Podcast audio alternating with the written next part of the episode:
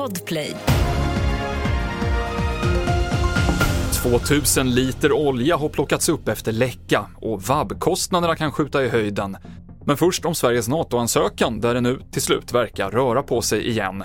Turkiets president Erdogan har undertecknat protokollet om Sveriges NATO-anslutning, meddelar presidentkansliet på X.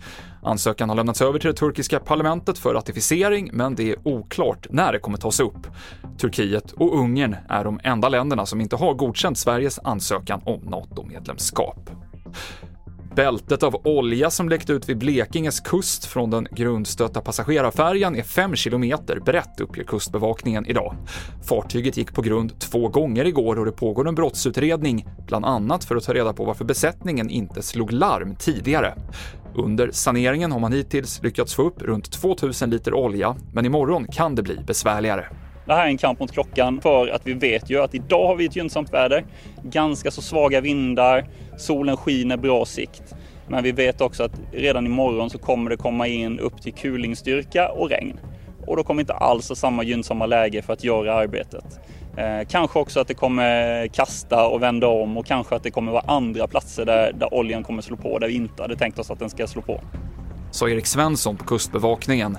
Och boende i området är oroliga för vilka långsiktiga konsekvenser utsläppet kan få. Ja, det är fruktansvärt. Vi vet ju inte vilka följder det kommer få så att säga för naturen och vad, vad som händer med hela det här räddningsarbetet och så. så nej, det, vi är oroliga. Det sa Margareta Nilsson som bor i Hörvik. Kostnaderna för bland annat sjukskrivningar och vabbande väntas öka med 30 miljarder kronor de närmsta tre åren, rapporterar SR.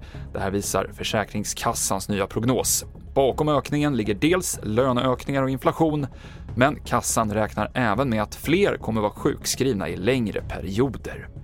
TV4-nyheterna i studion Mikael Klintevall.